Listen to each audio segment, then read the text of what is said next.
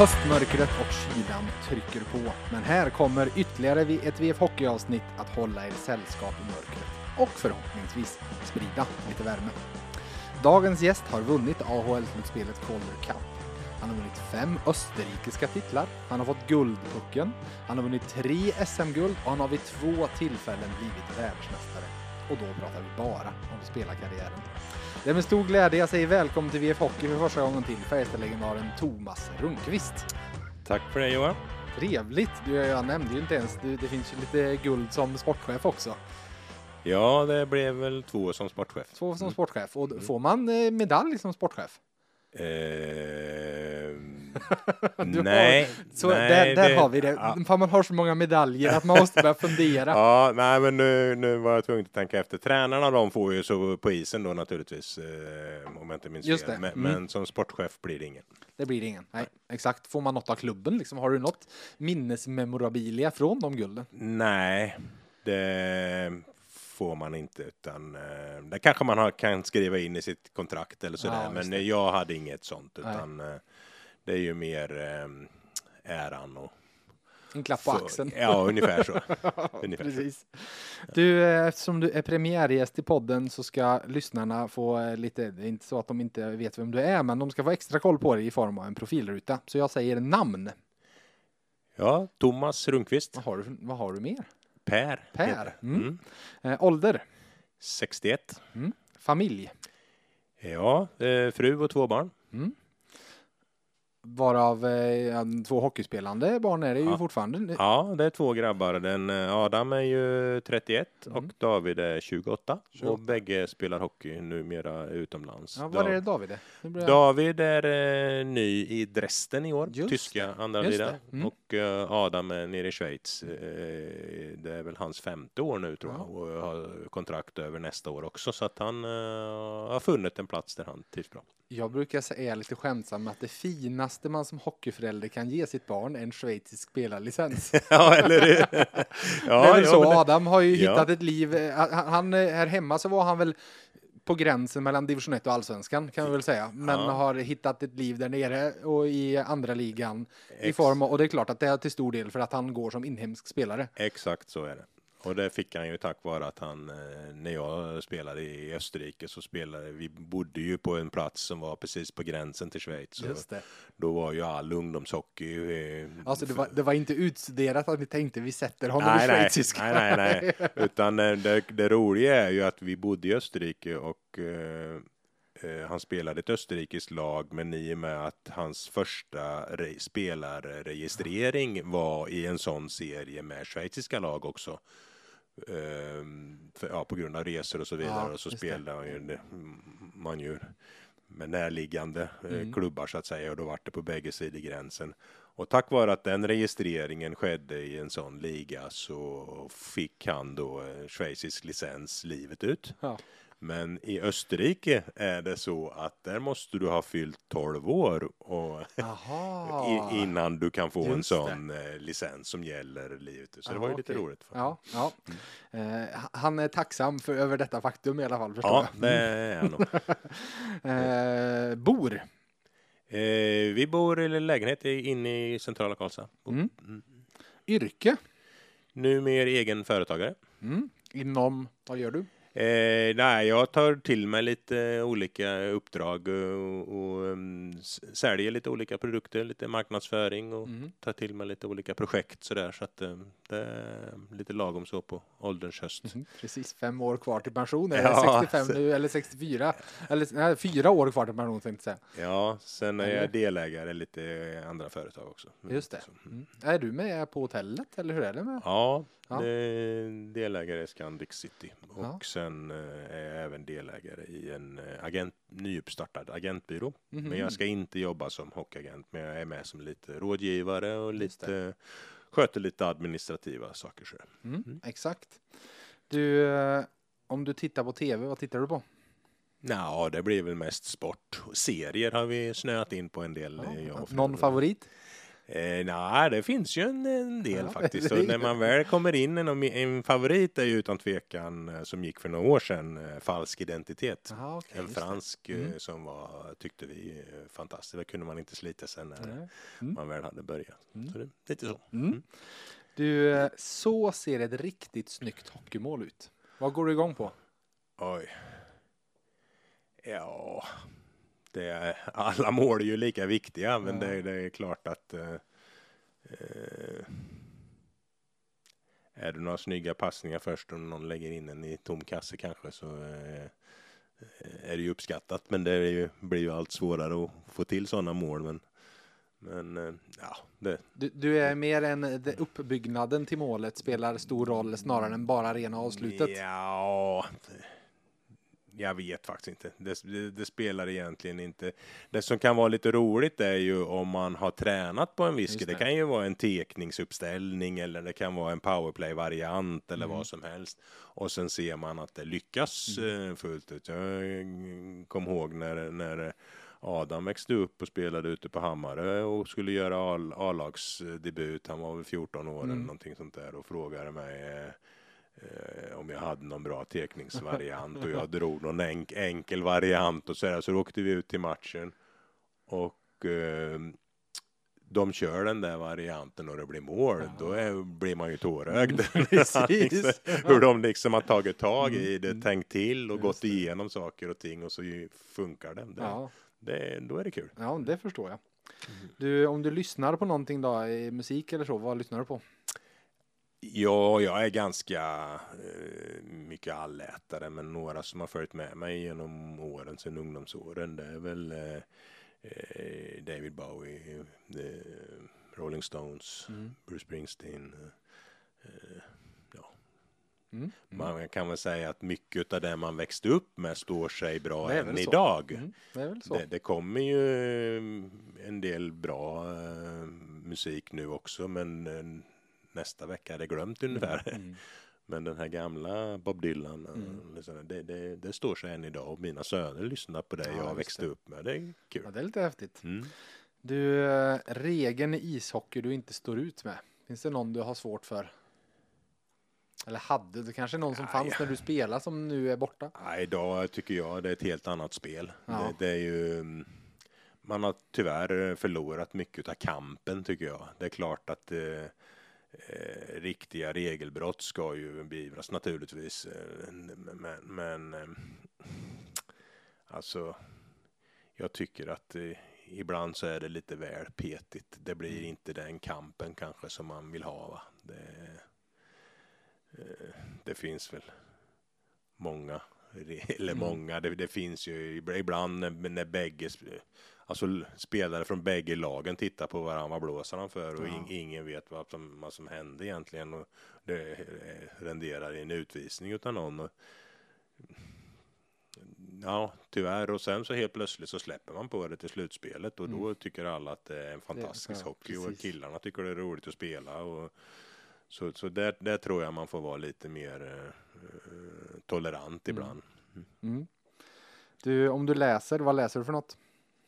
Nej, jag är dålig på att läsa böcker och så här. Det Mm. blir ju mest... Eh, VF ja, just det. Ja, just det. Nej, men det blir väl faktiskt mest tidningar. Och Mm. nu, nu eh, i och med att allting finns på nätet också så Mm. då, då slukar man väl i sig det mesta kanske. Mm. Mm. Favoritsport bortsett från hockeyn?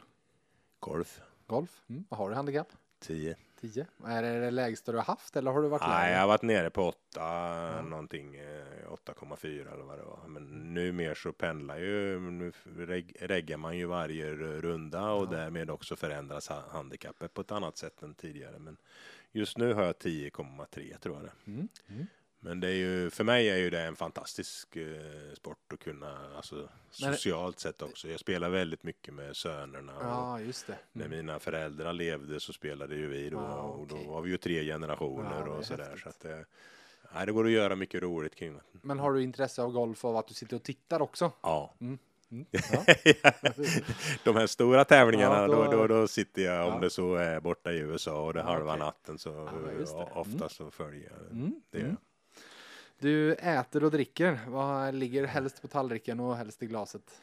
Ja, där är, jag äter nog det mesta. Nu har det ju kommit mycket asiatiskt Mm. och mycket sån, eh, lite andra krydd, kryddning och sådär. Eh, ann- Annars är det klart det, det blir mycket grillning på sommaren och så, men eh, ja, ett glas rött till eller Mm. en kall bärs. Håller du med mig om att Sau är Karlstads bästa lunchrestaurang? Eh, 15-huset. ja, där har jag nog bara varit en gång för några år Dags sedan. att du går dit tillbaka. Ja, Mm. Ja. Ja. Ifall du gillar asiatiskt så kommer du älska det. Ja. ja, men lite plockmat sådär Ja, också. ja, just det, det. finns ju Mm. en del bra restauranger i stan. Mm, absolut. Eh, du, sista frågan. Person du helst, sista frågan, vi är inte klara med podden men i, i profilrutan. Person du helst skulle vilja träffa, levande som död. Oj. Vem hade det varit häftigt? Är det någon personlig från eh, personliga sfären du hade velat träffa igen eller är det någon eh, kändis eller någon idol eller något sånt? Kan vara vad som helst. Nej, jag har aldrig tänkt i sådana Du har aldrig tänkt? ban banor. Nej. Det är klart, det finns ju mycket intressanta personer, men det både inom sporten och utanför. Men det är väl ingen som poppar upp sådär. Har du någon, Direkt. i- har du haft någon sån här superbarndomsidol? Ja, när jag var liten så var det ju, det var ju för Sterner som var Ja, min det. eh, stora idol då. Han är inte så svår att träffa, det bara Nej, han springer, vi springer ihop ibland så Ja. att det, eh, det är inga konstigheter. Och inom, inom hockeyn så, så träffas man ju Ja. sådär ibland. Antingen om det är någon, någon eh, landskamp eller med veteranlandslaget eller idrottsgalan Mm, eller vad det kan mm. vara sådär. Så att det, mm, där är väl ingen som en eh, skulle vilja träffa men Mm. aldrig har fått Nej, men göra. Utan, Du är lyckligt lottad. där. ja, det Mm, kan man säga. Mm, mm. Du, vi var inne lite halvt på spelarkarriär och så vidare. 1978 var året du lämnade Vimmerby. Ja, För- 77 var det 77 faktiskt. till och med. Men- 77. men ja, först- kanske var säsongen 77-78 då. Ja, just det. Ja, exakt. Mm. Eh, finns det något alternativt universum där du hade kunnat hamna någon annanstans än här? Ja, ja, det gör det. Och var? Ehm, ja, det, det, HV låg ju på väldigt hårt också, Mm. men, men då var ju inte de i elitserien, utan Nej, då var det. ju de i, ja vad hette det då, hette det division 1 då, eller vad hette Mm, det? Och sen var det ju lite andra lag runt omkring där Linköping och Vita Hästen och lite Mm. sånt runt Vimmerby där jag är född och Frölunda. Mm, Så det kunde väl ha kanske gått eh, lite hur som helst. Var du och besökte andra eller? hur? Ja, när, när väl eh, Färjestad dök upp då, då fick jag så goda referenser eh, okej. direkt och eh, eh, man hade ju också ett rykte om att man värvade juniorer Mm, i stort just det. sett och sen så slussade man in dem efterhand. Ja.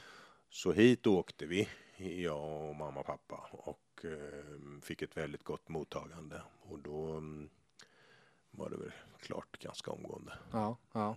Ja, för, och det här är ju ändå något år innan första guldet så det var ju liksom inte någon, Ja, någon maktfaktor på det sättet. Men det var just det Nej. där möjligheten att få slussas in som ung spelare. Ja, var bra framme i junior-SM och Ja, allting sånt det. här jämt och, och liksom eh, eh, det var ju så här också att eh, anledningen, eller en stor bidragande orsak till att jag hamnade här, det var ju att eh, Lars Lindqvist, en, en uh, ungdomsledare härifrån, bodde tillfälligt i Nässjö och trä, Mhm. tränade Nässjö då under den tiden som låg i samma serie som Vimmerby. Ah, ja. Och, och eh, jag hade ju en väldigt eh, framgångsrik eh, Mm. år då, liksom eh, spelade i A-laget som 15-åring och Mm. eh, vann skytteligan sen som 16-åring Mm. och sådär. Så att det, det, det, stack väl ut lite grann och Mm. han, han tipsade ju Färjestad om detta och de bevakade TV-pucken och lite sånt Just där. det. Så, så han, och han pratade ju väldigt gott om, om eh, klubben här. Mm. Och vi hade också en tränare i Vimmerby som kom från Forshaga från början, Ulf Hedqvist, som Mhm. också han kände ju Hjalmarsson och Mm. alla de här så att det, det var väl många som hjälpte till. Ja, liksom. precis. Det fanns, det fanns fler Färjestad-kopplingar än vad man kan tro. Liksom, ja, för- det, det gjorde det faktiskt. Ja, mm. Du, du slog dig in här vann eh, jag spelade VM, OS och så efter några år av vann SM-guld, eller hur? Han du göra innan du åkte? Ja, ja. Ja, ja. Eh, ja, du var ju med på första guldet. Ja, Mm, jag var med första gången. Mm, exakt. 81. Eh, Det som det var 40-årsjubileum för här eh, i våras. Blir det, Ja, okej. Ja. blir det ju. Mm. Eh, Du åkte över till NHL Ja, 84. ja. Eh, Jag kollade hur, hur, hur exotiskt det var. Det var väl Ja. inte, det var inte Ulf Sterner exotiskt. Jag tror det var 29 svenskar som fick speltid i NHL det året. Men Ja. vi pratar ju fortfarande en tredjedel, en fjärdedel av vad, vad det är nu. ja. Eh, hur, hur var det att komma över dit på 80-talet? Ja, anledningen till att det var så få då, det var ju att det var ju bara 16 lag i NHL. Ja, just det. Så det var ju... Så det är kanske- mo- motsvarande att det skulle varit 60 då, idag med 32 lag. Ja, Mm. precis. Så det var väl kanske lite svårare att Ja. slå sig in och sen så skulle man väl eh, kanske vara en lite mer eh, ja, exotisk spelare än Mm. vad jag var kanske. Jag var ju mer en lagspelare och en, en, en, en eh, grovjobbare kan man väl säga med, med hyfsat spelsinne och sådär. Och det var ju den typen av spelare hade de ju. Ja, Så jag det. stack ju inte ut på något sätt när jag kom dit. Sen hade det, det var massa olika anledningar. Det, det, de hade ju säsongen innan höll de på att missa slutspelet för första gången någonsin Ja. i Montreal. Sånt är inte okej där. Det är inte okej kan jag säga. Utan då mm, sparkade de ju tränaren när det var Ja. tio omgångar kvar. In kom Jacques Lamer. Eh, eh, gjorde lite förändringar i laget och tog dem hela vägen till semifinal där de fick stryk av eh, New York Islanders som var storlaget på den tiden. De Mm. Och det, det tog man ju som ett eh, kvitto på att det, laget, det var inget fel på laget Nej, på något just det. sätt. Mm. Så det de man gjorde när jag kom dit och några till då så jag tror det var en, en första rundare och en, ett, eh, en spelare de hade tradat till sig. Det var de två enda som eh, fick vara med från, eh, alltså Ah, som okej. de bytte ut då från, eller bytte in från fjolårslaget då så att säga. Sen gick det jättebra för mig i farmarlag och så under hösten Mm. men man märkte ju att eh, man, man var långt ifrån ändå på något sätt. Ja. Och de, Montreal vann, de fick stryk sex matcher utav de 35 första eller vad det var. Ja, just och det det. är klart att då, då ändrar man inte Nej. på det. Sen fick jag spela två matcher vid jul nyår på grund av skador och sjukdomar och, och tycker själv också att det gick helt okej. Mhm. Men eh, sen när de sa efter det att jag skulle tillbaka till farmarlaget då kände man att ah, fasen. Mm. Mm. Det var ju inte sådana pengar på den tiden Nej. så att man Men vad tjänade du i Nej, NHL-året? alltså det, eh, det är ju ganska lika som det är idag, att det är ungefär lika för alla som skriver Ja, på eh, i, i, som rookies och sådär. Så jag hade 100 000 Kanadadollar Mm. på Just det. den. eh, Det var väl ungefär 600 000 eller någonting sånt där Ja, ja, på den tiden. Plus eh, en signing bonus som var väl likvärdig. ja. Men ehm, man tyckte ju ändå att man var mitt i karriären på något sätt. Man vill vara viktig för sitt lag Mm. och man vill spela mycket och vi, vi, vinna liksom. Det, det, så jag kände väl att nej, det är inte värt att och liksom sitta där och åka upp och ner. Mm. Mm. Eh, utan då, vi, då löste det sig ganska smidigt också. Det, det- de ville ju ha Kjell Dahlin som de hade Ah, draftat då, något år innan. Och Färjestad ville ha hem mig Mm. och då eh, blev det en ganska smidigt. Då löste de ut mig helt enkelt och sen så fick eh, Tor, släppte Färjestad Dahlin. Just det, utan- för det här var innan det fanns något generellt avtal och man Ja. kunde gå hur som helst. Utan Precis. De var tvungna att på riktigt värva dig från Ja, Färjestad när, de, när de skulle ha dig. Ja. Ja. När du tittar tillbaka på det, visst det blev inte vad du hade drömt och hoppats. Finns det någonting i det som är att du är ändå väldigt glad att de där två matcherna finns där? Att du faktiskt fick spela i NHL? Ja, naturligtvis. Jag, det, var ju, det blev ju ett mycket roligare år än vad man, eh, man hade hört så mycket skräckhistorier Ja. Mm. om farmarligan och allt det här. Och, eh, att det var ingen hockey och där slogs de bara och det ena med det andra. Men, men Ja, hur var det? Ja, det förekom De ju. slogs. Ja, Men det, det, det gjorde de och Mm. det var ju många, på den tiden skulle ju alla NHL-lag ha ett par, tre Ja, sådana och då precis. såg de ju sin chans i farmarligan också att eh, det här är min väg och, och ta mig vidare. Du kunde Så- inte direkt konkurrera in dig in i fjärde kedjan i, i Nej, Montreal. utan nej, det var, det var nog en annan det typ. fanns sex, sex till nio platser för dig att konkurrera om. Ja, så. ungefär så. Ja, ja. Och, och, ehm, men vi, som du sa där, vi vann ju Calder Cup Mm, det. och, och, och det var ju en fantastisk upplevelse. Och jag visste ju inte, jag hade ju aldrig varit där innan och så där. Jag visste ju liksom inte hur de värdesatte sådana saker. Men det var ju parad och allting Ja, sånt det- också. Men så vad var farmarlaget? Sherbrooke heter det. Det Ja, var ungefär en och en halv eh, timme från Montreal. Just det. det. Mm. var första, när vi kom dit, det var ju första året de hade det laget Ja, där. för de hade ju varit i Halifax eh, Jaha, okej. Så att de hade flyttat sin verksamhet dit. Mm. Så så var det ju bra, så vi Mm. var ju, kunde ju åka in till Montreal och Ja. sådär ibland och se lite matcher och sådär. Mm. Umgås med Näslund. Och Ja, lite. precis. Ja, hur, hur är franskan då? Nej, den är ingen vidare. Men gick det att klara sig på engelska? där, Ja, i eller? Montreal Ja. inga problem. nej, det där är ju i stort sett alla dubbelprat. Ja, okej. Mm. prat. Även om sex, jag tror det är 60 procent som har franskan Ja. som första språk då, eller Mm. modersmål. Men, men alla förstår ju eh, och har inga problem med det. Nej. Men där vi var i Sherbrooke, där var det ju bara franska. Jaha. Och där, där ville de ju inte prata engelska. Nej. Så att det där kunde ju vara lite problematiskt ibland. Men Ja. hela laget var ju i samma sits. Så Ja. att eh, vi, vi umgicks ju och hjälpte varandra och sådär. Och, Mm. Så det, det funkade. Mm, Du klarade att beställa mat till sist i alla fall och göra dig förstådd. Ja, det kanske så. Kanske så. Mm. Du fick beställa de sakerna du kunde Ja, precis. sig. Och ibland fick en kött istället för fisk och tvärtom. Ja. Men du, du pratade om det här, Mm. hur, alltså hur eh, på den här tiden, hur brutalt var det i AHL? Och jag tänker även du som storvuxen liksom. Ja. Fanns det, fanns det, ja, men, på något sätt kan jag känna att Håkan när han kom över så kanske inte fanns riktigt samma förväntningar på vad han skulle göra och, Nej. och så vidare. Men, men, nej, men det är klart att man, man fick ju inte vika ner sig på något sätt. Men däremot så var det ju ingen som förväntade sig att jag skulle slåss. okej. Och det var ju ingen merit för en slagskämpe och liksom eh, Och sänka så- dig, nej. slå ner en svensk. Nej. Det var ju liksom, utan det, det är väl ungefär som det har fungerat fram till några år sedan att de, de möttes ju, det var ju tungviktsmöten Ja. som, det var ju meriten att slå ner deras eh, Mm.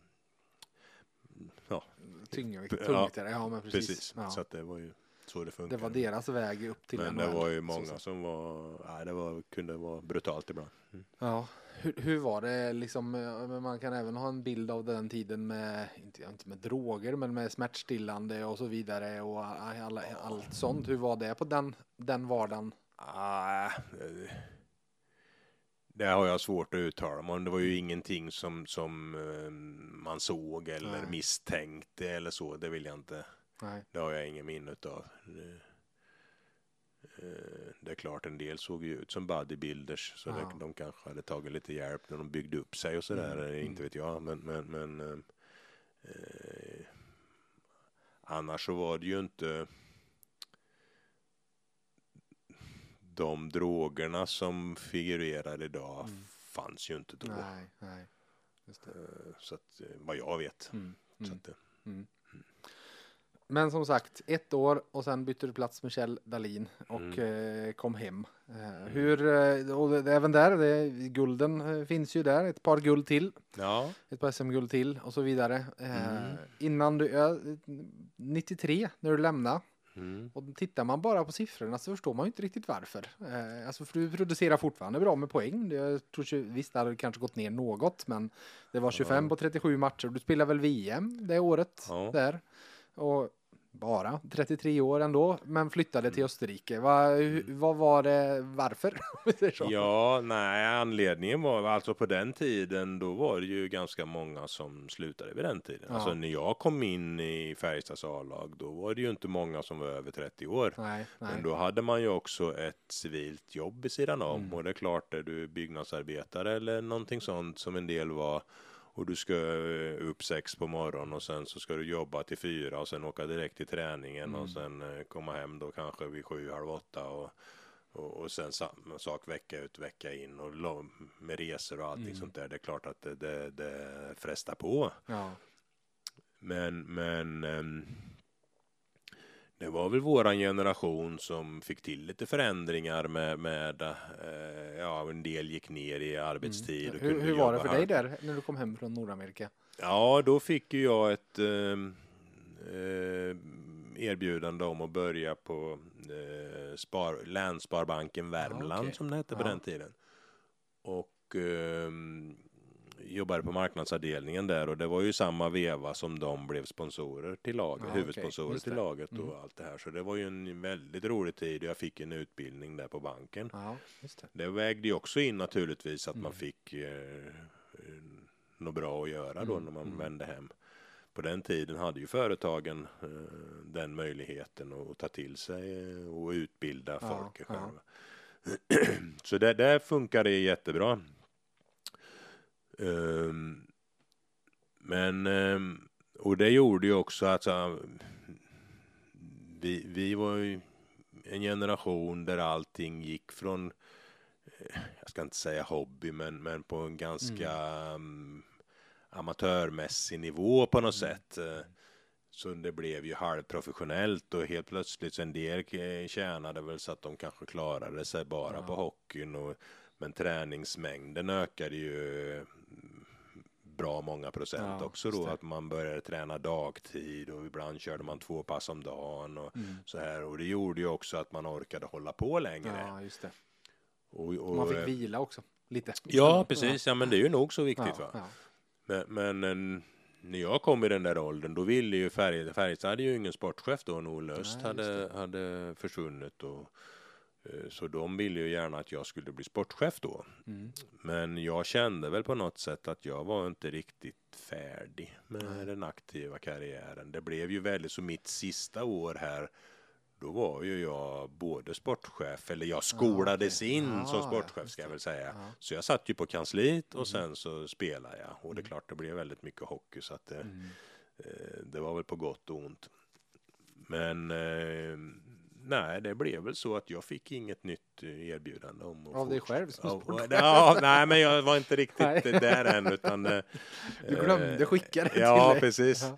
Jaha. Eh, och sen samtidigt så, så um, han, han väl föreningen att göra vissa eh, anställningar av ungdomsansvarig och huvudcoach och sånt som det jag inte var delaktig Ja, okej. som kanske inte riktigt eh, gick stick i stäv med Mm. vad jag hade tänkt i så fall. Så därför så, sen åkte jag på VM och det gick bra på det VMet Mm. eh, i München och, och då kände jag att nej, jag vill inte lägga av Nej. än. Så dök det här med Österrike upp och, och sen dök det ju upp med att Bengan också var, blev Mm. aktuell och då när vi pratade så våra fruar var mammalediga och det Ja, ena med det det. andra och vi sa att det är ju perfekt att Ja, avsluta de ett eller två år där nere. ja. Men det blev ju fem. Vi trivdes Ja. fantastiskt bra så att eh, det var väl anledningen. ja. Fick du då vara helt professionell de åren? Ja, Där nere? ja, ja. ja. Mm. Och det, Men- Och, men det var första gången förutom Montreal? Ja, Eller? Ja. det var det. Hur, eh, när, när du sen eh, till sist la av då, då hade du nått det respektabla 38 så då kanske det inte var så konstigt. Ja, nej, och dessutom lite problem med ryggen och sådär. Ja. Så att annars hade jag nog kört ett år till. där Ja, nere. Men eh, då var det väl dags. Mm. Ja. Om du plockar ut ett eh, körsbär ur körsbärsträdet som karriären var, vad är det för något? Vad är det du är mest stolt över? Ja, det som eh, man tänker tillbaka så någon säger kan har du något bra minne då är det ju direkt så kommer ju eh, VM-guldet 91 upp Mm. måste jag säga. Det, Mm. det var en fantastisk turnering. Mm. Första gången 87 i Wien var ju, hade ju sin charm med att det var första gången på 25 år eller vad Ja, det nu var. det. Så det, det var ju lite speciellt men det, på den tiden också då när man kunde bli mästare i kavaj som vi Mm. blev. Det är inte samma sak att vara beroende av andra Nej, lags resultat Mm. utan här kommer vi till, till Finland och är lite favoriter och vi går turné, obesegrade genom turneringen och vi slår ryssarna en ren final. Alltså, och sen får du medaljen Mm. i utrustningen direkt efter match. Det, det är en speciell känsla. Mm. Det förstår jag. Ja. Mats Sundins genombrottsturnering. Ja, Ja. det var det. definitivt. Ja. Du förstod att han skulle bli rätt så duktig. Ja, han var ju, vi var ju i Bern året innan och då var ju han med som lite eh, se och lära ungefär och stod, var med som lite extra sådär för de, de trodde att det skulle komma flera från NHL då Ah, ja, under det. turneringens gång och då Mm. var väl tanken att då får han åka med i början, se och lära för framtiden och sen när de här kommer där bortifrån så får han åka hem. Mm. Men sen kom inte den där som de Ja, väntade okej. på, vem det nu var, jag kommer inte ihåg det. Så då fick ju han debutera i Bern redan med en eller två matcher eller hur många Just det. Och sen när han kommer året därpå då till Åbo och är en fullfjädrad NHL-stjärna Ja. i stort sett. Det var lite roligt Ja, ja exakt, Mm. exakt. Du, innan vi går vidare på eh, övriga bana och på lite om dagens lag så eh, ska det på nytt bli chansen, ni lyssnare får chansen att säkra er plats i stora finaltävlingen vi har tillsammans med ICA Maxi Bergvik. Två stycken som redan säkrat en plats där är Jakob Virtanen, inte Jesse, men Jakob och Anette Reimann som faktiskt gissade på tidpunkt på första mål där i Färjestad-Brynäs på exakt samma sekund, så då får ni ju varsin finalbiljett. Ni vinner även en eh, bag från VF samt ett presentkort på ICA Maxi Bergvik på 500 kronor. Skicka ett mejl till hockadvf.se för att få era priser. Men givetvis ska ni andra få chansen att vinna exakt samma sak, så lyssna på Christer riktigt noga nu.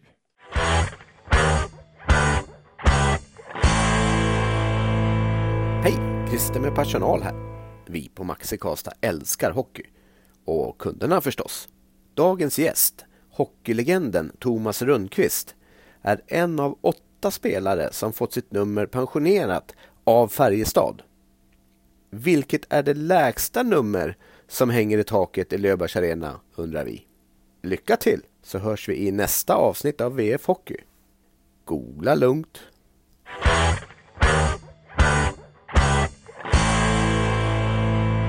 Skicka svaret på frågan samt tidpunkt för ni tror att första målet görs i mötet mellan Färjestad och Malmö torsdagen den 18 november.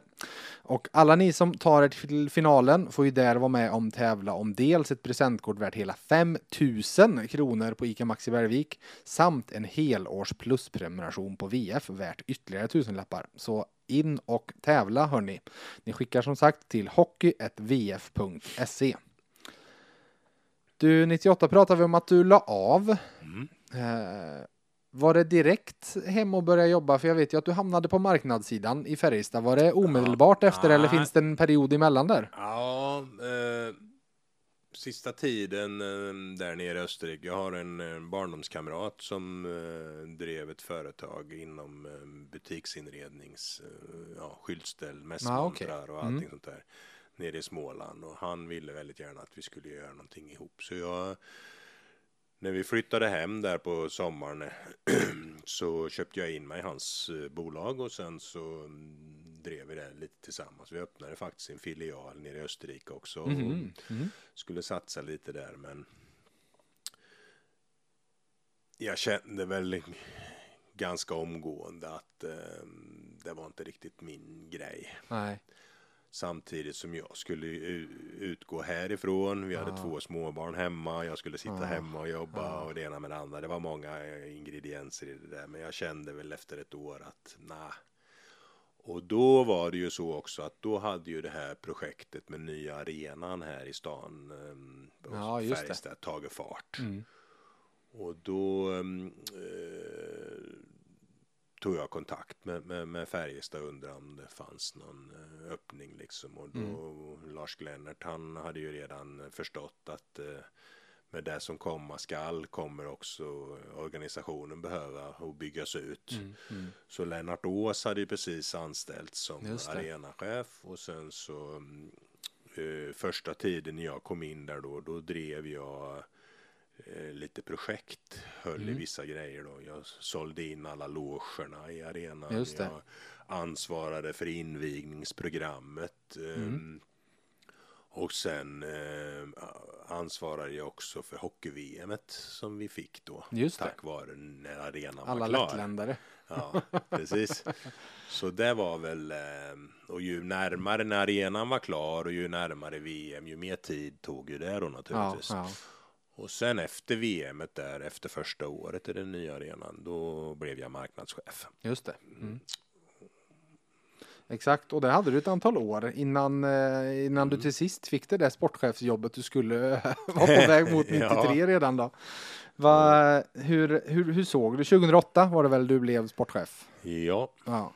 Hur, hur såg du på det? Var det, var det givet? För vi, vi kan väl, det var redan då ganska stora skor att kliva i ändå med, med det Håkan hade gjort under absolut, en tioårsperiod. Absolut. Nej, men det, alltså som hockeymänniska, jag, jag, jag hade ju ganska så, jag ska inte säga lätt, men jag hade väl eh, alltså marknadssidan där. Jag hade ju jobbat på banken då med, ja. med på, fått en väldigt bra skolning där på eh, på marknadsföring genom Claes Fagerström, marknadschefen där och så vidare. Så det, det på något sätt kände jag ju mig ganska hemma. Ja.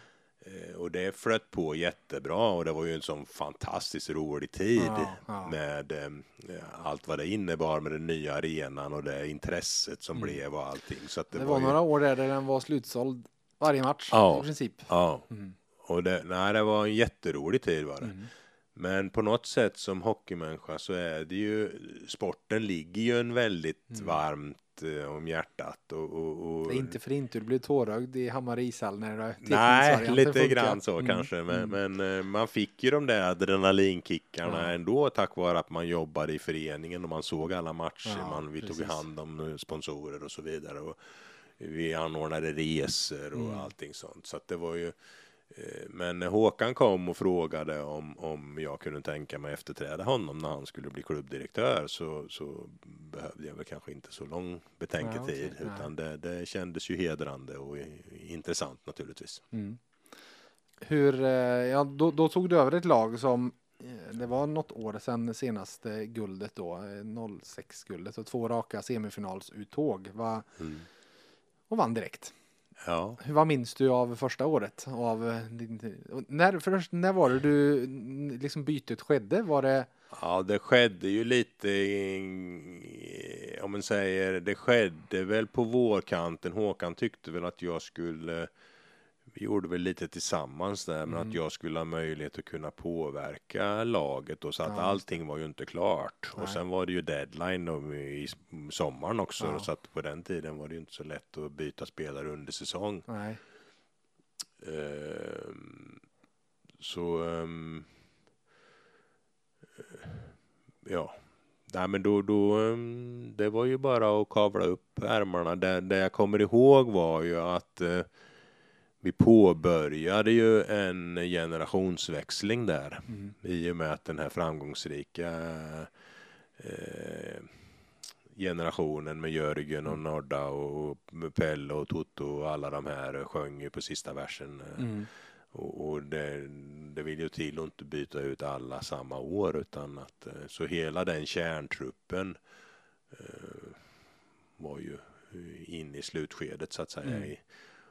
Så det var väl lite där man fick börja planera för och, och sakta men säkert byta ut eh, några i taget och, och, och, sen var det ju väldigt viktigt att få eh, alltså hålla Jörgen och dem igång ytterligare mm, över den säsongen då. Och, ja, det visade sig väl vara det fick ett lyckligt slut. Ja, det fick det. det fick det. Ett, ett väldigt lyckligt slut. Ja, men och du var inne på det. Eh, kärntruppen som fanns. Jag satt och tittade lite på spelarförluster ja. efter det guldet 09 och Ja, det var ju Jörgen som slutade och mm. Peter Nordström blev ju uppe i Leksand där. Eh, Thomas Rodin hamnade ju också i Leksand. Mm. Ja, där är enormt mycket, men sen om vi fortsätter. Ja, Rickard Wallin stack över till Nordamerika. Micke Johansson stack över till Nordamerika. Jonas Gustafsson stack över till Nordamerika. Mm. Eh, Eero Somervuori som väl slutade trea, fyra interna poängligan lämnade. Ja. Eh, Dominik Ranjak som hade varit en poängstark back i några år lämnade. Martin Chevs som hade varit med och var, lämnade och så vidare. Ja. Det är mycket, mycket som försvann den sommaren efter det guldet. Det, är mycket som försvann och det det var väl ingen eh, lätt tid arbetsbelastningsmässigt eller vad man ska säga. Nej. För det är klart Det- att här, här försvinner ju, vi pratar om generationsskiftet, men det försvinner, det var väl även det att här försvann ju stora delar av nästa generation. Ja, också. och det var ju det som var um, dilemmat då, Ja. liksom att de som skulle fylla på efter stack också. Ja. Nej, det var ju ingen ro roligt. Jag tror jag på de fyra eller fem åren som jag signade spelare så eh, vi pratar ju 70, 70 stycken någonting Ja. sånt där. Så att, eh, för vissa Bara 50 var den här sommaren. Ja, för vissa kom ju och, och, och färgade inte in helt enkelt. Och det är ju inte så att alla blir bingo utan en, av olika anledningar Mm. kan det ju vara så att någon väljer att lämna och sådär. Så, Mm, att, mm. Så det var, mm, det var en kämpig tid. Mm. Det var mycket telefon och mycket middagar som blev förstörda och semesterdagar som eh, gick Mm. åt till annat. eh.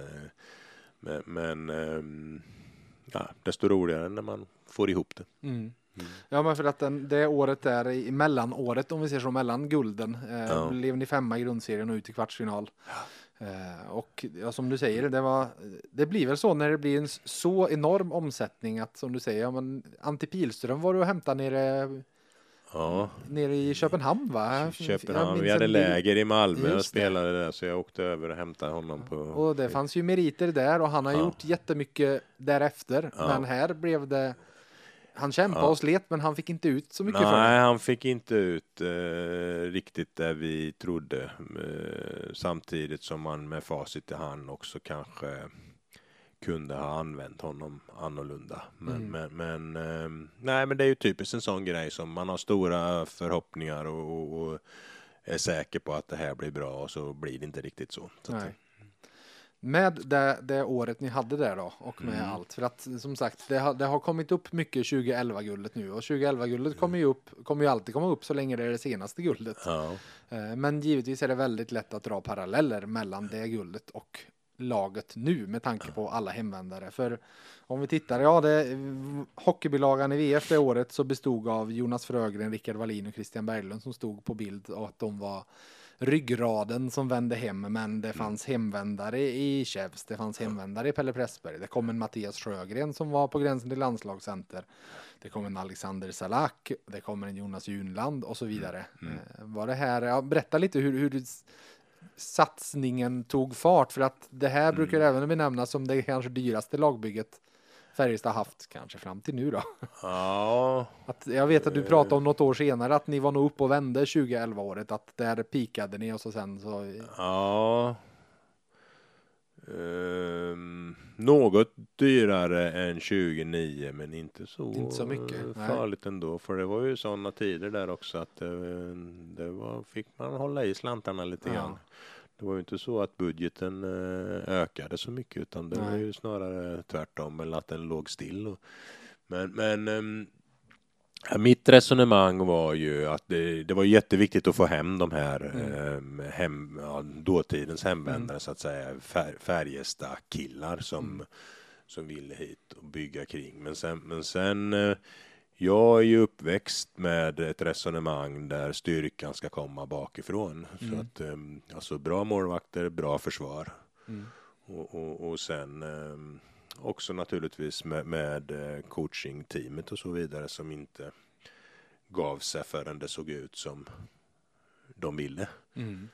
Och, och, och min roll i det hela det var ju också att låta dem eh, blomstra i sina roller och kanske inte vara in och peta för mycket utan har man anställt dem så får de ju göra sitt jobb också. Mm. Sen hade vi ju naturligtvis mycket diskussioner och, och så i kulisserna. Som, men ehm, nej, men sen var det väl mycket det här med, med vi pratade mycket om eh, alltså rollerna. Och, Mm. och, och, Ja, för det har ju pratats mycket om. och ja, det, Sanni har berättat historien flera gånger om, om eh, möten och hitta roller i gruppen och så vidare. Och Ja. det som väl, inget ont om honom, men det slutade väl med att det inte fanns någon plats för Dragan och Misevic i det laget. Nej, det, det blir ju lite så. eh, Och, och, kanske någonstans också att eh,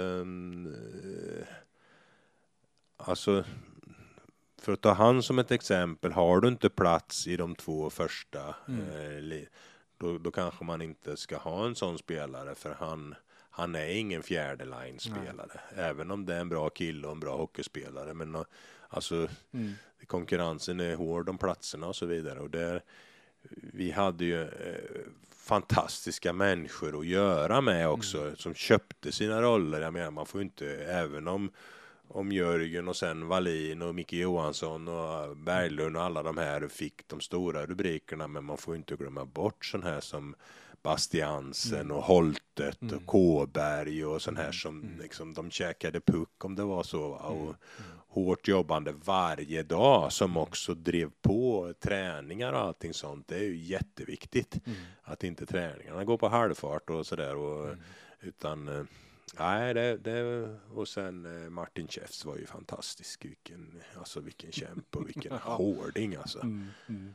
En rejäl bit där uppe. Det är en rejäl bit och om man, man tittar på kanske många lag eh, så saknar man ju den där där bak som Frögga, Käfs, eh, sådana som här bestämmer jag va och det är soprent framför eget mål va. Eh, Det kanske inte var någon tillfällighet att Växjö vann i våras när de hade Folin och, och den här eh, Melart var det. Melart och han Aktell eller vad han heter där Ja, också. den, när du kommer till den typen av matcher då är sådana spelare ovärderliga. Mm. Jag kommer ihåg Frögge hade väl tre poäng eller någonting på hela säsongen. Men han var ju ovärderlig för lagen. Mm. Och Det är ju, Ja, det är ju lätt att titta på det här laget och se att det var det du säger, målvakt eh, och backsidan. Backsidan är ju helt sinnessjuk speciellt.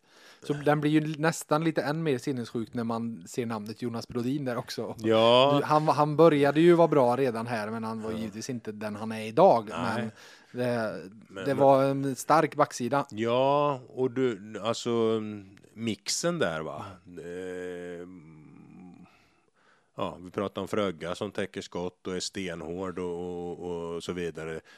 Både poänggörare, eh, defensivt skickliga, eh, åldersstrukturen, eh, några med, ja, med lite rutin och erfarenhet och sen så hade du då Brodin, Klevbom och sådana här unga som kom och drev på och sög i sig all Magnus Nygren. Nygren ja. och vad menar en sån som Sanni också? Det var väl inte tanken var väl inte att han skulle styra powerplay eller någonting sånt utan tanken för var ju att han skulle, ja men alltså med hans ja. ledaregenskaper Ja. i gruppen och, och också eh, kanske mer i egen zon och så Mm. vidare. Va? Man, man får inte glömma bort vikten utav eh, de ingredienserna. Nej.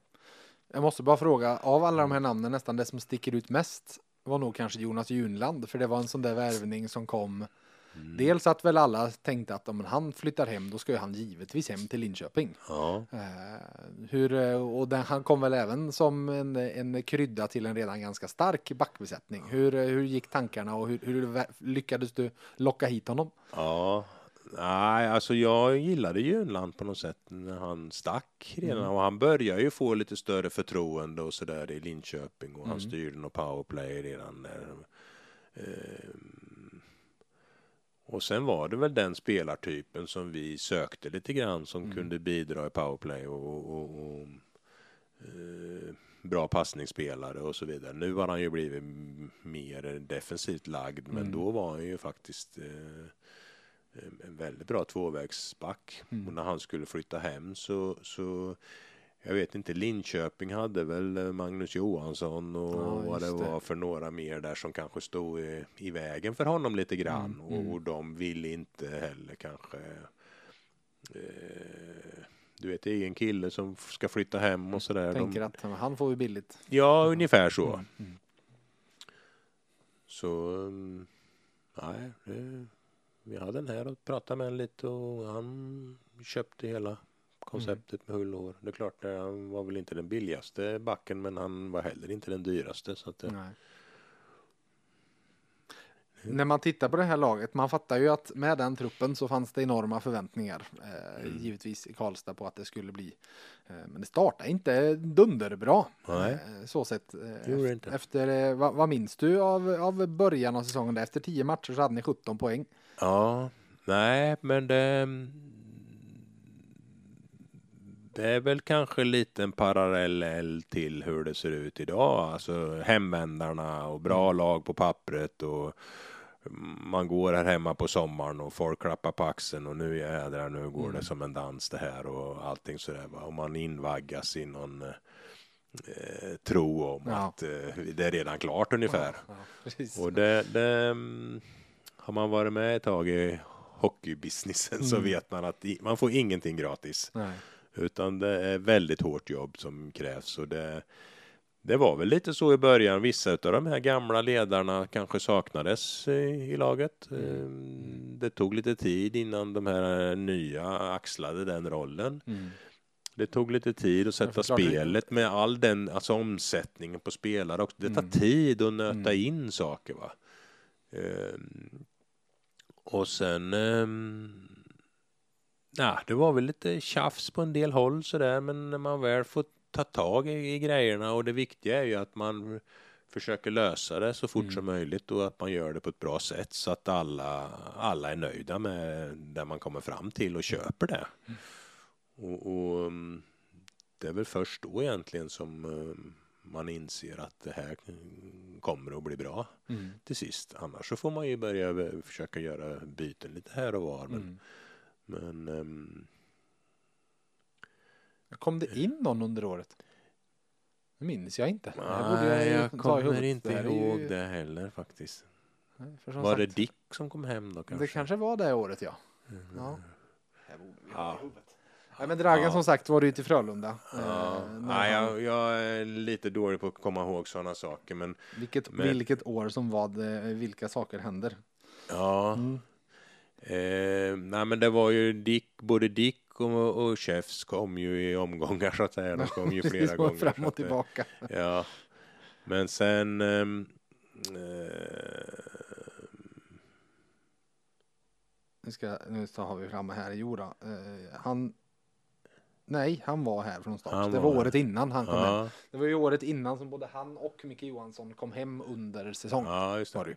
Just det. Men han var ju här det, Ja. under sin andra session. Ja. Så sett. Ja. Ja, nej men i alla fall, det, det var väl lite sen, sen ehm, Ropades det på eh, när det började segt och så och alla tycker att spelartruppen är, eh, är bra? Ropades det på tränare och så vidare? Eller hur, hur var trycket där under hösten? Men det är ju alltid så fort inte resultaten går som eh, förväntat eller som folk vill så mm, blir det ju ganska högljutt Mm. runt omkring. Mm. Så, så är det ju och då får man ju försöka att stå stark och försöka skärma av.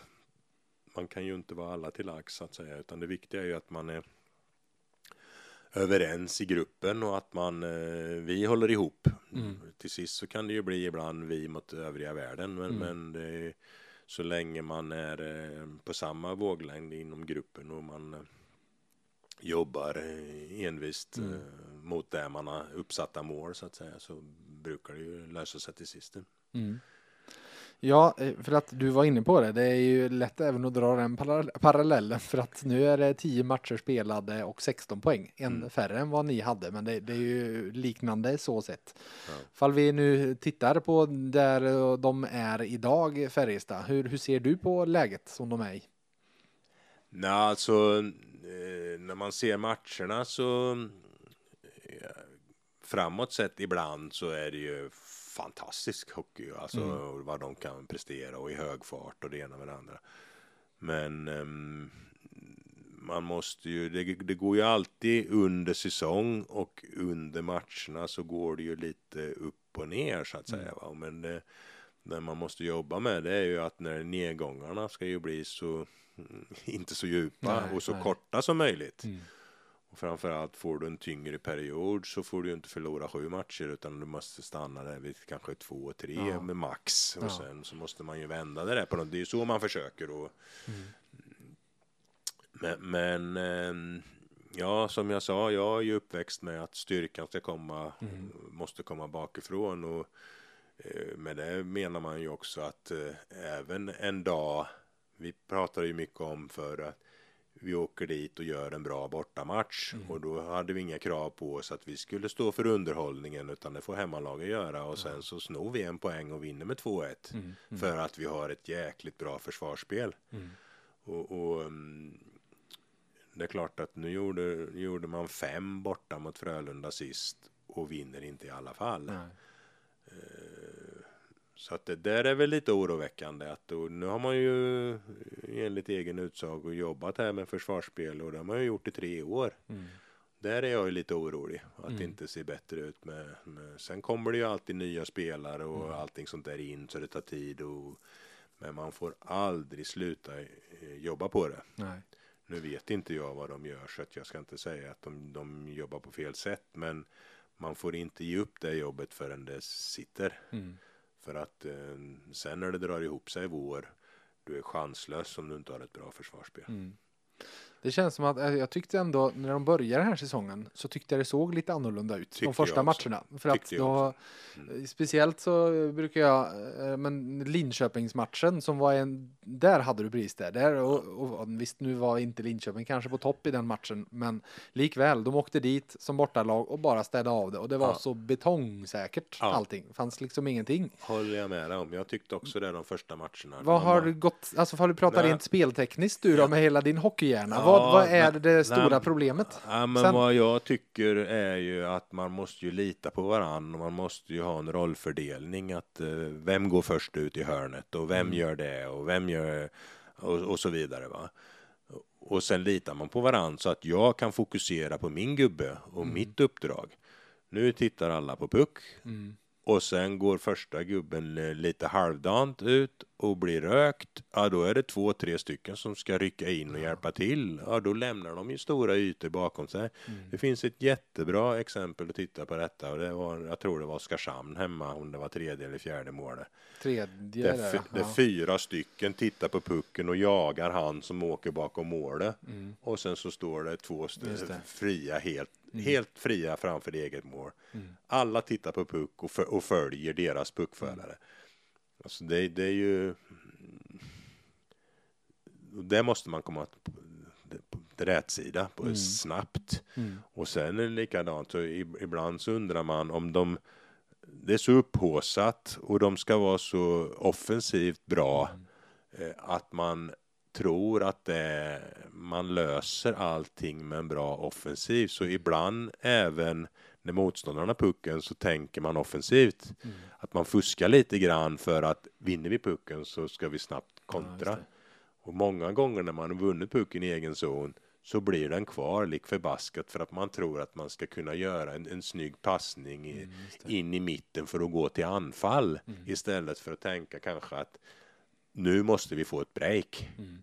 Nu har vi varit inne i, i, i nästan en minut i egen zon. Mm. Då behöver man inte gå till anfall utan det viktiga är kanske att få byta, få in fräscha Mm. killar. Och, och, det finns lite sådana där små grejer tycker jag som eh, man kan Mm. trycka på. Och jag tror att man ganska snabbt skulle eh, få till en förändring om man ändrade mindsetet lite grann. Att, eh, eh, skit i det där att folk förväntar sig att det ska Mm. vara klapp-klapp och någon ska lägga in en öppen kasse varenda gång. Utan eh, gör... Eh, jag tror man måste på något sätt eh, bena ner saker i, i små detaljer och vara nöjd med det sen. Mm. Att man kanske ska vara nöjd om man är, spelar mot Frölunda borta efter första perioden att det står 0-0. Mm. Eh, Mm. och sen ta liksom lite gamla Det är klyschor. målet snarare än att eh, ha gjort mål. Ja, så. lite grann så. Och, och, eh, man pratar ju ofta att eh, kommer man upp till Skellefteå, där går det 700 kilometer i Mm. timmen. Det, det är liksom speciell eh, miljö att kliva in i, för det går lite fortare, det är lite hetare, det är lite Mm. Mm. intensivare och sådär. Det har man sagt i alla tider. Alltså, eh, klarar man 0-0 i första kvarten eller orkar stå emot, sen kan man börja bygga upp sitt Mm. eget spel när det liksom har mojnat ut lite grann. Mm. Men, men ehm, jag, jag ska inte kritisera dem för mycket för jag vet inte hur de jobbar med det. Men, men eh, vissa saker så det blir ju lätt så att man återkopplar eh, Ja. till sig själv och hur gjorde vi och allting sånt där. Och jag kan väl tycka att vissa grejer eh, skulle de kanske kunna göra annorlunda. Mm. Tror du det här du var inne på nu med eh, vilja visa upp sig och så. Det kanske inte är en tillfällighet att det började svaja lite när man började spela hemma också. Nej, och att då, det är svårare att spela inom citationstecken tråkigt hemma. Ja, det är det. Mm. Det är mycket svårare. Och, och, um, men där, där ska ju miljön vara så trygg så att Mm. det där, där eh, och det är ofta, och framförallt med det laget man har, då, där ska man ju styra och ställa och Mm. liksom låta motståndarna eh, rätta sig efter eh, vårat spel så att Mm. säga. Eh, Men, men eh, du kan aldrig fuska, utan vissa saker måste man göra fullt ut och, och framförallt i försvarsspelet. Mm. Det, eh, alltså man... Så fort motståndaren får pucken, då är det ju försvarsspel som gäller oavsett var du befinner dig i banan. Och försvarsspel, då, är du, då placerar du dig mellan pucken och egen målvakt. Mm. Då får det inte det står två man och slå på returer och så vidare om man ska försöka täcka de skotten eller gå på titta på pucken utan då ser man ju till så motståndarens klubba inte kommer åt pucken. Mm. Mm. Men ehm, ja, det, det kanske blir bättre. Ibland så är det ju en sån här käftsmäll som behövs också för att alla ska förstå att eh, Mm. det här är, går inte av sig självt. Nej, precis. Det, Med eh, ryggsäcken från 2011 som du ändå har, vad, vad skulle du ge för något råd till laget nu i det här läget? nej, men jag tror att man, man mm, man måste ju ta upp saker och prata om det, men på ett snyggt sätt. Det Mm. får ju inte bli så att de sitter och, och, och, och skakar tänder när man eh. Eller att någon kommer ner och skäller på dem. Det leder ju ingenstans nu om de tycker att det är lite motigt. Utan eh, eh, ha lite samtal, kanske individuella samtal. Lite tydliggör saker och ting. Man kanske behöver ha någon utifrån som kommer in och pratar med laget. Om det är någon mental kille eller eh, ja, vad det nu kan vara. Eh, men, men, men det är också det här att eh, ge tränarteamet kanske lite lugn och ro och, och, och få jobba med killarna. Jag vet inte hur det fungerar, men ibland blir det ju så att eh, då säger tränarna en sak, sen kommer det ner en sportchef och säger en sak och så kommer det ner en klubbdirektör och säger en sak och sen går det styrelsefolk. Eh, Mm. Nu säger jag inte att det är så här, nej. men eh, generellt så är det ju så ibland och de går och tittar lite snett på spelarna och så vidare. Eh, Det är ju, eh, så spelarna är ju människor av kött och blod. De behöver en klapp på axeln när det är bra de eh, behöver lite vägledning när de kör fast och sådär. Men det får ju inte bli att de tycker det, det är nervöst att Nej. komma till jobbet utan de ska ju älska att komma till arenan och Mm. till grabbarna liksom. Mm. Still i båten. På något sätt. Ja, alltså. Men jobba hårt med det som behöver jobbas ja, med. det, man, vissa saker får man inte eh, låta det gå och hoppas. Nej. Utan man, vissa grejer måste man ta tag i. Mm. Men sen så kan man ju antingen så tar man tag i det och, sk- och skrämmer dem och, Mm. och man är så på och, och, och, och skäller och det Mm. ena med det andra. Så att det blir en, en em, nervositet Ja. som infinner. Eller så tar man tag i det lugnt och fint och man Mm. eh, kanske diskuterar fram eh, olika lösningar och, och Mm. att alla köper. eh, Och så jobbar man vidare och sen är det en klapp på axeln när det är bra och eh, liksom tydlighet. Mm. Mm. Eh, Man måste ju få, kör man fast då måste man ju få lite verktyg till hur man ska kunna förändra och lösa saker och ting. Mm. Mm. Exakt. Du, eh, vi sätter punkt där och så återstår bara för dig att få tävla innan jag släpper dig idag. Ah, okej. Eh, Du får ledtrådar på 10, 8, 6, 5, 2 poäng om du vill ner dit. Eh, Och jag säger som till alla gäster, du får gärna tänka högt. Men om du har ett svar så säg inte svaret högt utan då kan du ja, vi, vi löser här så att du antecknar det och eh, så eh, lyssnarna även ska få alla ledtrådar givetvis så Ja, de får tävla själva. okej. Den ledtråden du får är att det är en hockeyperson det handlar om. Att Ja. Det är en människa vi ska till som givetvis har med hockey att göra. Är du beredd Thomas? Ja. På 10 poäng. Denna 40-åring visar inga tecken på varva ner. 31 poäng på 48 matcher som kapten förra säsongen. Har 1037 utvisningsminuter på 519 matcher i ligan. 40-åring, inga tecken på att varva ner. 31 poäng, 48 matcher. Kapten förra säsongen. Totalt sett 1037 utvisningsminuter på 519 matcher i ligan. Har du något? Alltså det var ju mycket utvisningsminuter på um, så få matcher. Mm. Eh, Ganska precis fyra per match. Eller två per match rättare sagt. 40 år, då, då kan man ju sålla bort väldigt många direkt. Då är frågan vilken liga pratar vi om? Eh, Det kan ju knappast vara NHL, det kan ju inte vara S. Ska vi ta åttan? Eller har du Det något? kanske kan vara SHL Vi tar åttan. Mm. Åtta poäng. Aurum-mannen jag söker debuterade på seniornivå redan 2001 i moderklubben som ägs av en legendar. Var med och tog den klubben till högsta divisionen innan han lämnade för Sverige. Han debuterade seniornivå 2001 i moderklubben som ägs av en legendar. Han var med och tog den klubben till högsta divisionen innan han lämnade för spel i Sverige. Alltså flyttade till Sverige. Ja.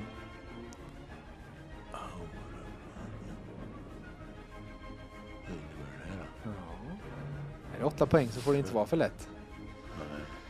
Har du något svar där eller ska vi ta sex poäng? Vi tar sex poäng. Sex säsonger i Sverige har inneburit en 66-procentig vinstgaranti. Mästare även på hemmaplan har han nog även blivit. Men VM debuterade först som 33-åring. Va? Mm. Vad är det? Ja. Sex säsonger i Sverige inneburit 66% i vinstgaranti. Han har även blivit mästare på hemmaplan och VM-debuterade som 33-åring. Ja, det står helt still. Då tar vi fyra poäng, så tror jag du kommer att ta det. Okej. Fyra poäng. Trots att han var landslagsman när han kom till SHL hamnade han vid spelarpresentationen i skymundan av Vejvoda och Prochaskas gamla lekkamrat från AIK. Då vet jag. Du vet, då har vi ett svar på fyra poäng, varpå jag lä- läser även två poäng. Sevek skulle man kunna tro att namnet uttalas, men i Karlstad lärde sig publiken snabbt korrekt uttal på tjecken som med sin fysik, skicklighet och rivighet blev en favorit och nyckelbricka när tre SM-guld säkrades. Vem har vi? Martin. Ja, precis. Ja. Slår, Ja, eh, eh, förstår inte på att han ledtråden? var 40 år. Nej, han har hunnit fylla 40 här för några Ja, men jag veckor tänkte, sedan. Ja, det är kanske Jager, men Ja. han är ju 50. så Ja, precis. Han är typ 48. Men Jagger fanns ju med här bland lite ledtrådar eh, indirekt. Men som sagt, eh, gjorde 31 poäng på 48 matcher. Tjeckiska ligan är väl känd för att där kan man hålla på ganska länge, så 40-åring. Men sen är det ju det, han sticker ut lite med sina utvisningsminuter. För det är alltså 1037 på 519 matcher. Så det är inte ovanligt att han kommer över 100 utvisningsminuter på en säsong. Det gjorde han ju även här. Sen då har vi Aurum-mannen. Aurum är det latinska ordet för guld. Ja, okej. Och han är väl lite guldman som sagt. Eh, och för han debuterade seniornivå moderklubben som är Kladno. Kladno, ja. Mm. Som ju ägs av Jager just. Mm, det var där stämmer. han var med. Och så var han med, Kladno har väl åkt lite upp och ner. Eh, och han Ja. Chefs var med och tog upp dem innan han lämnade Ja. för Sverige. Och sen som sagt 66% i vinstgaranti för fyra SM-guld. Han har ju även ett i Skellefteå. Ja, på sex säsonger i Sverige. Det blir ju 66%. Sen har han även vunnit ett guld på hemmaplan. Ja. Eh, men som sagt, VM-debut som 33-åring. ja, Det dröjde till dess. Och sen hade vi ju, kommer du ihåg den var cool den kedjan med Pavel Patera, Ja. Och Martin, Martin Prochaska. Precis. Patra var ju med hit. Mm, exakt, skulle- blev väl inte, satte väl inte riktigt lika stora avtryck som Chefs Nej, gjorde. det var väl Martin eh, vi ville ha från första början. Men han kunde ju ingen engelska på den tiden. Så det var ju Patra med som lite, Ni bara, lite kan ni inte ta han Pavel Patera också? Typ. Ja, mm. Mm. Ja, kul. ja, så men eh, fyra poäng, tycker du att du klarar dig undan?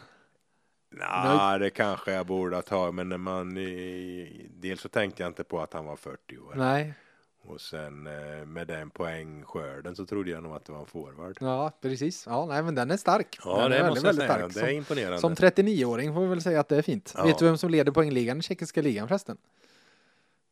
Nej, Erik Torell. okej. Mm. Startat jätte, jättestarkt där nere.